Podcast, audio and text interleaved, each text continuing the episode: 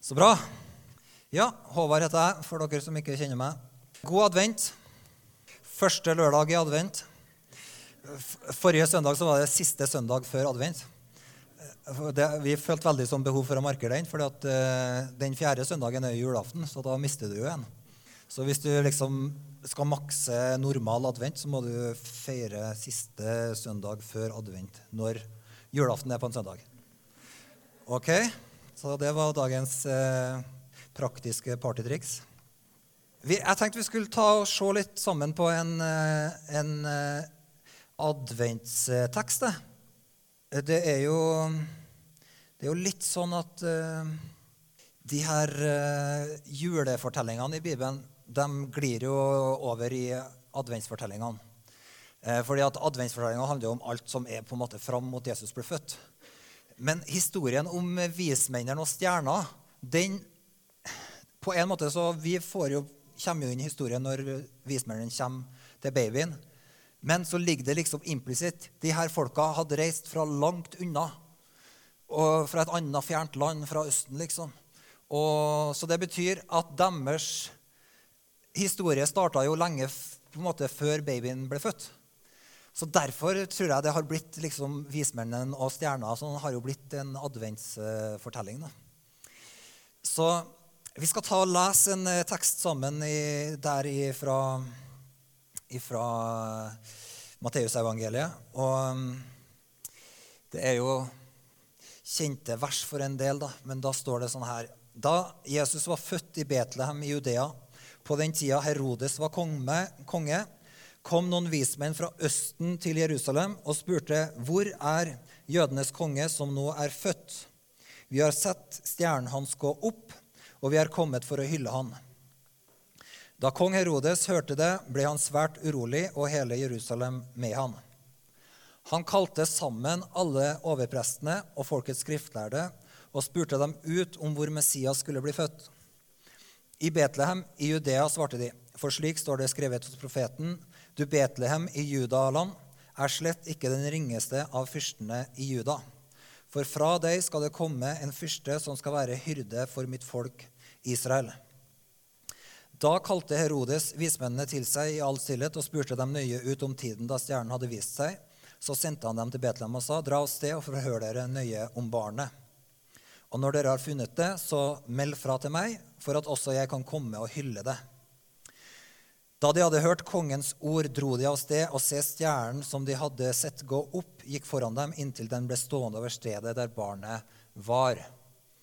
Da de så stjernen, ble de fylt av jublende glede. De gikk inn i huset og fikk se barnet hos moren Maria, og de falt på kne og hyllet han.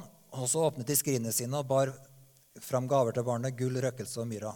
Men i en drøm ble de varslet om at de ikke måtte vende tilbake til Herodes, og de tok en annen vei hjem til sitt land. Um, så her, her kommer vi Nå kjenner dere julestemninga krible litt, folkens. Det, det gjorde litt godt det her i dag å få den fortellinga. Men her kommer vi jo inn i historien om, om eh, Jesusbarnet eh, på en måte fra en litt annen vinkling. Det er jo gjennom øynene til vismennene. Eh, Stort sett vi får denne vinklinga. Og eh, for å liksom få tak i eh, hva er- grunnen på en måte til at uh, Matteus velger å fortelle denne historien, så er det litt nyttig for oss av og til å bare tenke litt ekstra på hvordan er det vi forstår på en måte verden rundt oss. Fordi den hebraiske måten å forstå verden på, den var litt sånn annerledes enn måten vi ofte tenker på ting rundt oss. Så for eksempel eh, så er det sånn for oss at eh, når vi står og ser på stjernehimmelen, så tenker vi wow, det her var vakkert, og vi kan se litt på nordlys og sånne ting. Eh, men, men når en hebreer som var opplært i loven og skapelsesfortellingene og sånn, sto og kikka opp på den samme stjernehimmelen som oss, så var det noen ting der som tar til en, som ikke kommer til oss hvis ikke vi på en måte gjør som eh, hebreerbrevet sier, eh, at vi forstår at verden ble til ved Guds ord. Så det betyr at alt vi ser, alt det synlige, alt som er skapt, det ble til ved Guds ord. Det betyr det, det kommer fra Gud. Alt som er skapt, kommer fra Gud. Og det er, kommer fra hans hjerte på en sånn måte at han har talt det sånn at det ble. Så alt det som vi ser som er skapt, det har på en måte i seg en innebygd intensjon fra Gud. Og egentlig så er det fordi alt ble til ved Guds ord, så er alt som er skapt, alt det synlige, er på en måte bærere av et budskap fra Gud. Gud forma ikke bare med hendene sine. på en måte, Han tart, tar det ut. Så alt som er skapt, bærer i seg et budskap fra Guds hjerte til oss. Det, så det betyr at vi lever i en sånn eh, tredimensjonal kommunikasjonsopplevelse fra Jesus. Så når du går rundt, så, så er det veldig god hjelp hvis du vil forstå hva er det Gud snakker til meg gjennom skaperverket. Så er det liksom ikke sånn Du kan se på skaperverket og tenke litt på det du ser. Det er nyttig. Men det er enda mer nyttig å se på skaperverket og tenke på hva er det Bibelen sier om det som er skapt. Så for eksempel, Bibelen sier gang på gang på gang på gang at vi er som trær. Mennesker er som trær. Så Salmisten snakker f.eks. om det her. Mennesket, den ugudelige, den er som et tørt tre, men den rettferdige, som grunner på Guds ord dag og natt, han er som et tre planta ved rennende vann. Jeg har alltid frisk skudd og bærer frukt i rett sesong. Så det betyr at når du ser et tre, så trenger du å tenke jeg er som et tre. Det er liksom læring. Og så er Gud du vet, eh, God læring innebærer repetisjon. Så når du går rundt, så tenker du det er, det er flott at Gud skapte ett tre, på en måte, sånn at jeg kan lære det her om at jeg er et tre. Så jeg kan se på det treet og tenke sånn som treet er helt avhengig av vann og lys og, og næring for å produsere frukt. Sånn er det med meg. Jeg er like hjelpeløs som et tre. Takk Gud for at du har skapt et tre, så jeg kan lære det. Men Gud har ikke skapt et tre. liksom. Han har skapt millioner av trær. Repetisjon, repetisjon, repetisjon. repetisjon. Så de tingene du ser masse av, det betyr bare Gud vil at du skal lære noe ekstra viktig gjennom det. Trær er kjempeviktig for oss. Og Du trenger å se nøye på trær og tenke sånn som dette treet, sånn er jeg. Jeg er skapt, jeg er skapt til avhengighet. Jeg er skapt avhengig. Jeg kan ikke produsere i meg sjøl. Nå er jo ikke dette et ekte tre, da, men, og dette er i hvert fall ikke ekte frukt. Men det er liksom ikke sånn at du kan si til treet, kjeft på treet og si 'ta deg sammen' og bær litt frukt for svingene. Det hjelper ikke. Du må grave rundt, du må vanne, du må slippe til sola. Og, liksom, og sånn er det med ditt eget liv. Altså, hvis du opplever at ting skjærer seg, at du, vandringa di med Gud ikke er sånn du tenker den skal ha vært. og sånn. Det hjelper liksom ikke å se deg sjøl i speilet og bare fyre løs. Nei, nei, du må arbeide, du må slippe til vannet fra Herren. Du må stille deg i lyset hans, du må få næringa hans. Ikke prøv å ta deg sammen. Resigner, gi deg over, forstå at du er avhengig. Gå ut og se på trærne. Ok? Nå kunne vi gått gjennom alt det som Gud har skapt mye av. Stein og fjell snakker Bibelen masse om. Fugler snakker den masse om. Dem er det viktig å lære av. Eh, til og med sanda på stranda kan vi lære ting av. Om Guds plan, hvordan han har tenkt å fylle jorda med noe som ligner på seg sjøl. Så alt du ser i skaperverket, som du finner at Bibelen sier noe om, så skjønner du Gud har en intensjon. Og det første du leser om himmellysene i Bibelen, det er følgende Gud skapt de store lysene på himmelen. Det største lyset til å råde over dagen, og det minste lyset til å styre over natta. Og de var der for å regulere natt og dag og høytida og årshjulet. Er dere med? Interessant? Så Det første vi lærer om himmellysene i Bibelen, det er at de er satt på himmelen for å styre jorda. Så hvis så de representerer Guds styre inn i verden. Nå skal jeg lære deg en hemmelighet her. Hvis du er et menneske som tjener Gud, da står du opp om morgenen og legge deg om kvelden. Er ikke det fantastisk? Så, så enkelt er det. Gud styrer fra himmelen. Han har satt lyset til å styre om dagen og månen til å styre om natta. Det største lyset det betyr du skal stå opp. Det minste lyset betyr du skal legge deg. Topp. Så kan du sove ekstra lenge i desember. Men det her var veldig grunnleggende, og du finner at sånn forsto Guds folk verden. Når du kommer inn i profetene, så finner du av og til så beskriver dem f.eks. at et rike går i stykker, et annet rike reiser seg. Profetene, de store profetene snakker om disse tingene. Og da, Når de skal forklare hvordan en konge faller og en annen konge kommer til makta, så sier de sånne ting som at månen blir til blod. Sola blir mørk som en sekk. På Herrens dag, når det ene riket går ned og det andre riket kommer fram, så skjedde noen ting, sier profeten, i det himmelske. Så det betyr Det var ikke nødvendigvis sånn at når det ene babylonske riket på en måte ble avlyst, avløst av et asyrerike, eller hva det er som beskrives for i Esekiel, så er det ikke sånn at at de her lysene eh, At det faktisk var at månen ble blod, og sola ble mørk den dagen den ene kongen ble styrta, den andre kom. Men profetene brukte disse beskrivelsene for å fortelle folk nå skjer det en forandring. En stor forandring. Imperia endrer seg. Og det taler vi profetisk om gjennom å beskrive at lysene på himmelen skifter. Så når vi leser julefortellinga, så skjønner vi Hei, de her vismennene de var i denne verden. De skjønte de, de, var på en måte i berøring med denne virkelighetsforståelsen. Og de skjønte hei, en ny stjerne på himmelen. Noe helt nytt. Et helt nytt himmellys. Det har ikke vært der før. Det er noen ting som har skjedd i forhold til hvordan verden blir styrt. Det har kommet en ny konge inn i skaperverket.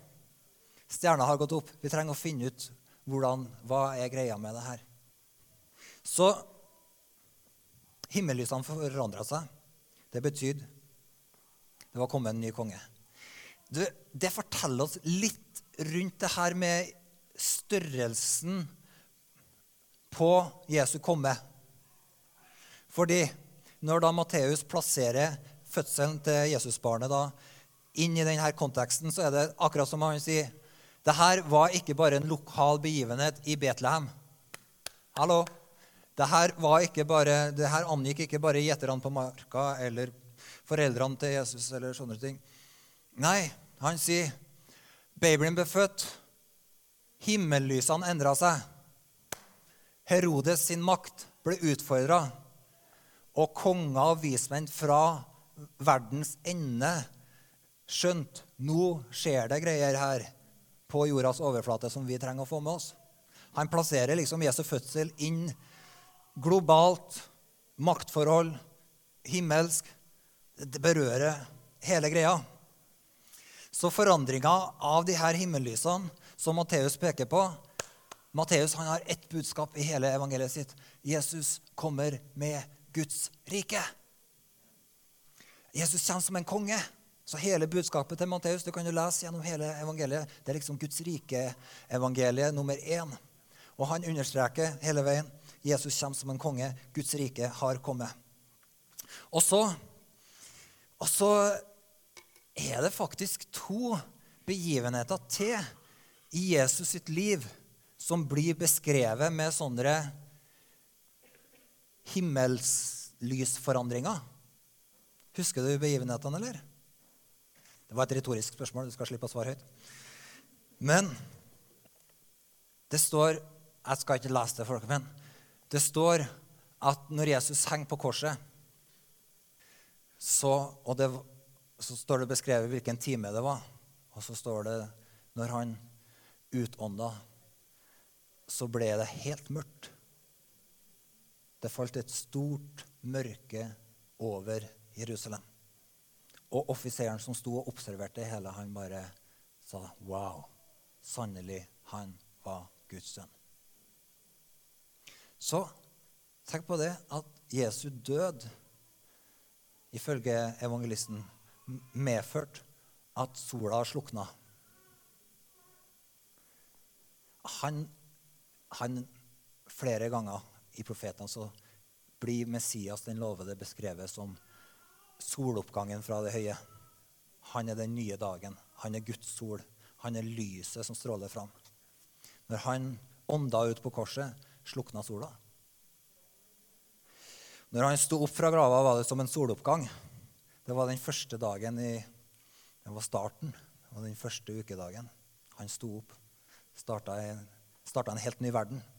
Et helt nytt univers. En helt ny sol som gikk opp og endra alle ting. Og så møter vi da igjen de her eh, forandringene på himmellysene en tredje gang i historien om Jesus. Og det er apostelgjerningene to.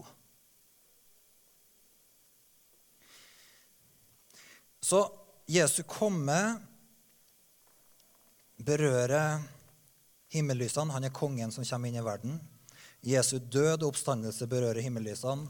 Den gamle verden sin sol slukna da Jesus hang på korset, og den nye rettferdssola sto opp på den tredje dagen med kraft og brakt lyset inn i verden. Men på pinsedag så bringer apostelen Peter sammen begivenhetene fordi pinsedag, sier Peter i apostelgjerningene 2, så sier Peter det her om eh, når han skal forklare hva som skjer på pinsedag. Det her får dere ikke på skjerm. det får dere bare fra, Hvis dere vil følge, så er det apostelgjerningene 2. Og Der står det den her, Etter at Den hellige ånd er utrent da på pinsedag, og disiplene tar det i tunga, og Peter begynner å forklare hva som skjer, så sier han i apostelgjerningene 2, og vers 32 så sier han, den her Jesus har Gud reist opp, og, han er vi, og det er vi alle vitner om. Han ble opphøyd til Guds høyre hånd så her beskriver han Jesus er reist opp. Han sitter ved Guds høyre hånd. Han sitter på kongsstolen. Det har skjedd en endring av kongsmakt. Og så sier han og han mottok fra sin far Den hellige ånd, som var lova oss, og den har han nå øst ut, slik dere ser og hører.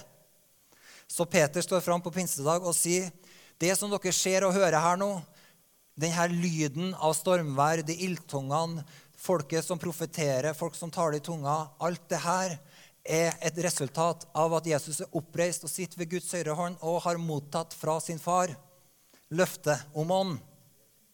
Men så før det her så sier Peter, for å forklare i kapittelet, så sier han det som skjer her nå, det er forutsagt gjennom profeten Joel. Og Det sier han i kapittel 2, vers 16 og 17. og så sier han, I de siste dager skal det skje, sier Gud, at jeg øser ut min ånd over alle mennesker. Og så sier han i vers 19.: Jeg setter varsler oppe på himmelen og tegn nede på jorda. Blod og ild og røykskyer. Sola skal forvandles til mørke og månen til blod. Før Herrens dag kommer den store og strålende, men hver den som påkaller Herrens navn, skal bli frelst.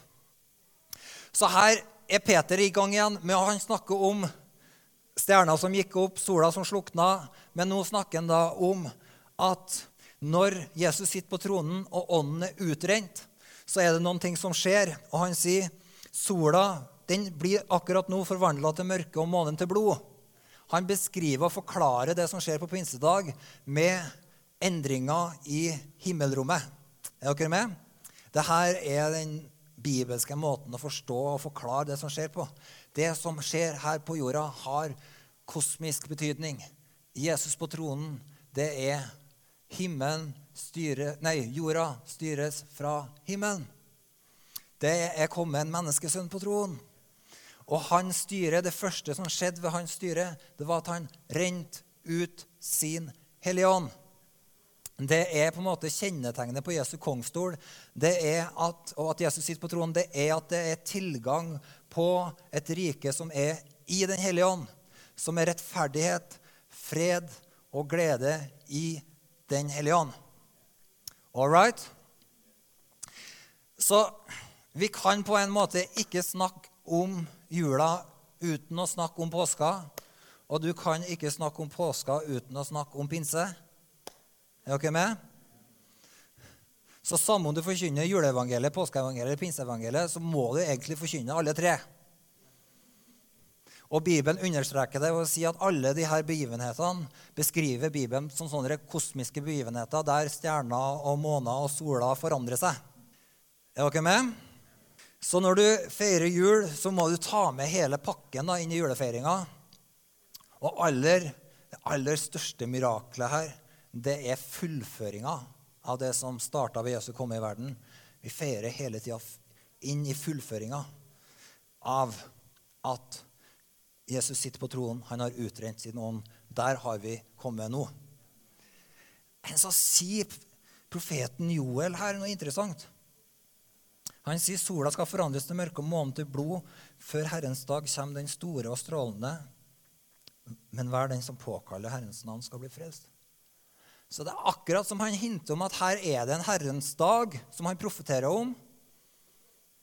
Men enda så er det en Herrens dag i vente, som han kaller den store og strålende. Er dere med?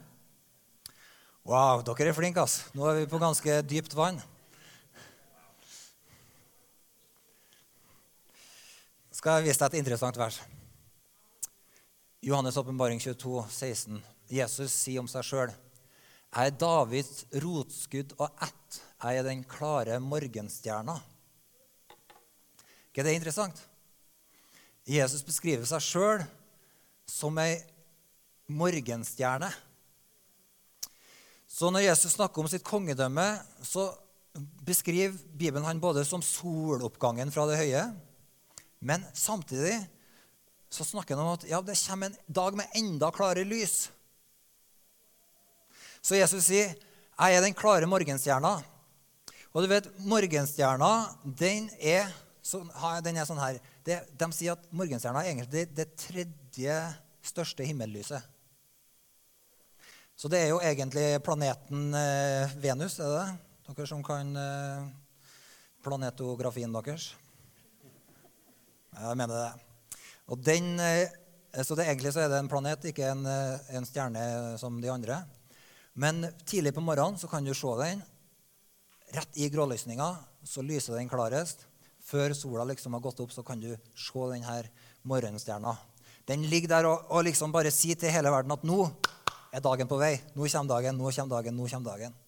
Og den har på en måte, Det er den sikre stjerna som vet at nå er natta snart ferdig.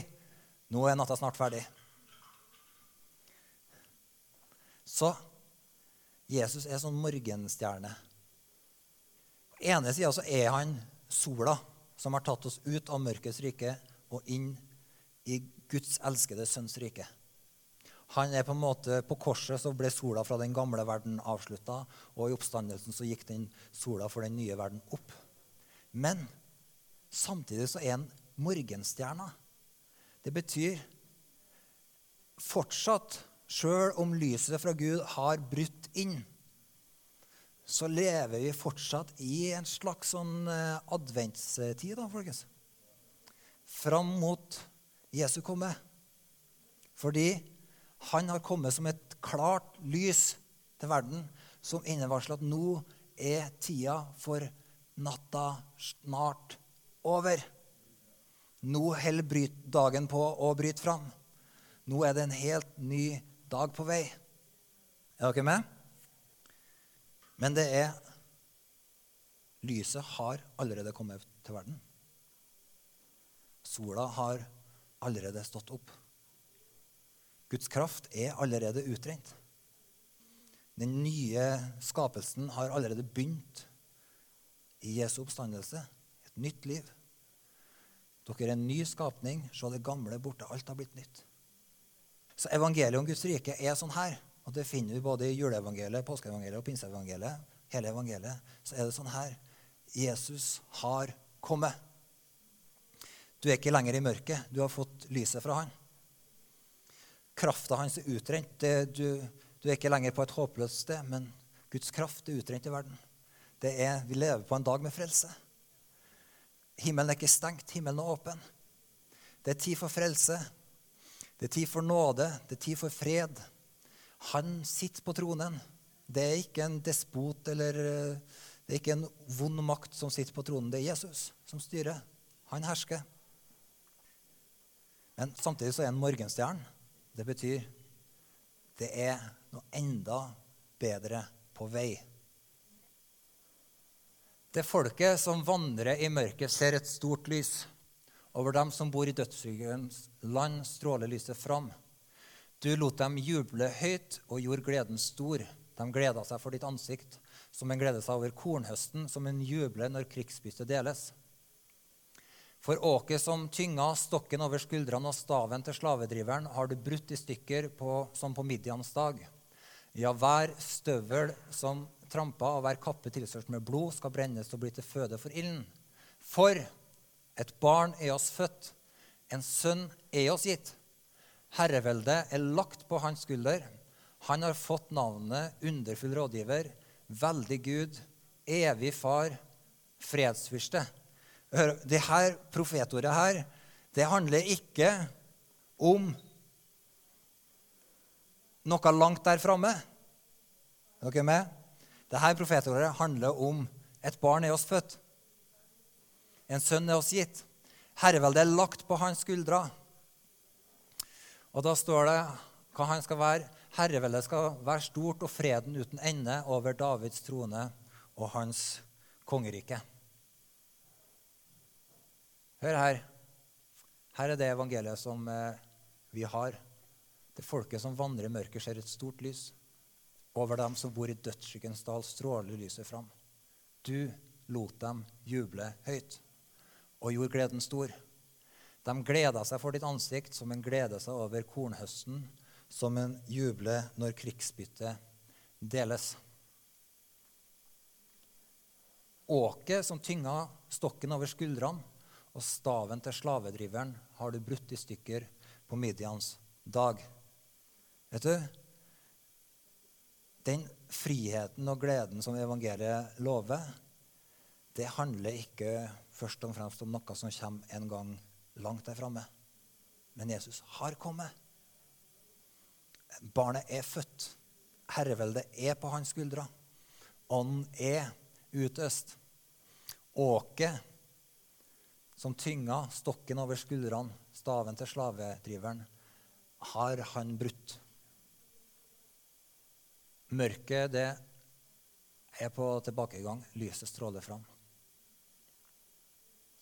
Så jeg våkna i morges med et sånt ord fra Gud i hjertet mitt. Det var veldig enkelt. Han er her i dag med sitt rike. Og det som jeg opplever han sa, det er han, Jeg opplever Gud bare sa noen sånne enkle ting som Han er her med sin fred. Vet du, Den freden som eh, Jesus har for deg, den er ikke noe som er som du trenger å skyve på. Det er i dag. Slaveåket er brutt. De her Det De her eh, stridstida. Det her som er tilsørt med blod, konfliktene, de her tingene. Det er brutt. Og så snakker han om eh, at eh, du lot dem juble høyt og gjorde gleden stor. Vet du, Gud har en frihet i glede for hans ansikt som gjør at denne sorgen eller eh, hva skal jeg si uroen og strevet og kravet du, der du kjenner at du ikke der du kommer til kort hele veien. og sånn. Nei, nei, nei. Jesus har kommet og tatt de greiene der. Han sier i, når det her barnet kommer, så er det tid for å juble høyt. Det er tid for at gleden skal være stor. De skal glede seg for hans ansikt som når en gleder seg over kornhøst. Det er noen ting som du allerede har fått. Det er en høst å glede seg over. Som når en jubler når krigsbyttet er delt, det er en seier som er vunnet. Det er noen ting som allerede Kristus har vunnet for oss, som er ferdig plyndra, på en måte, som du kan feire med og gleder over.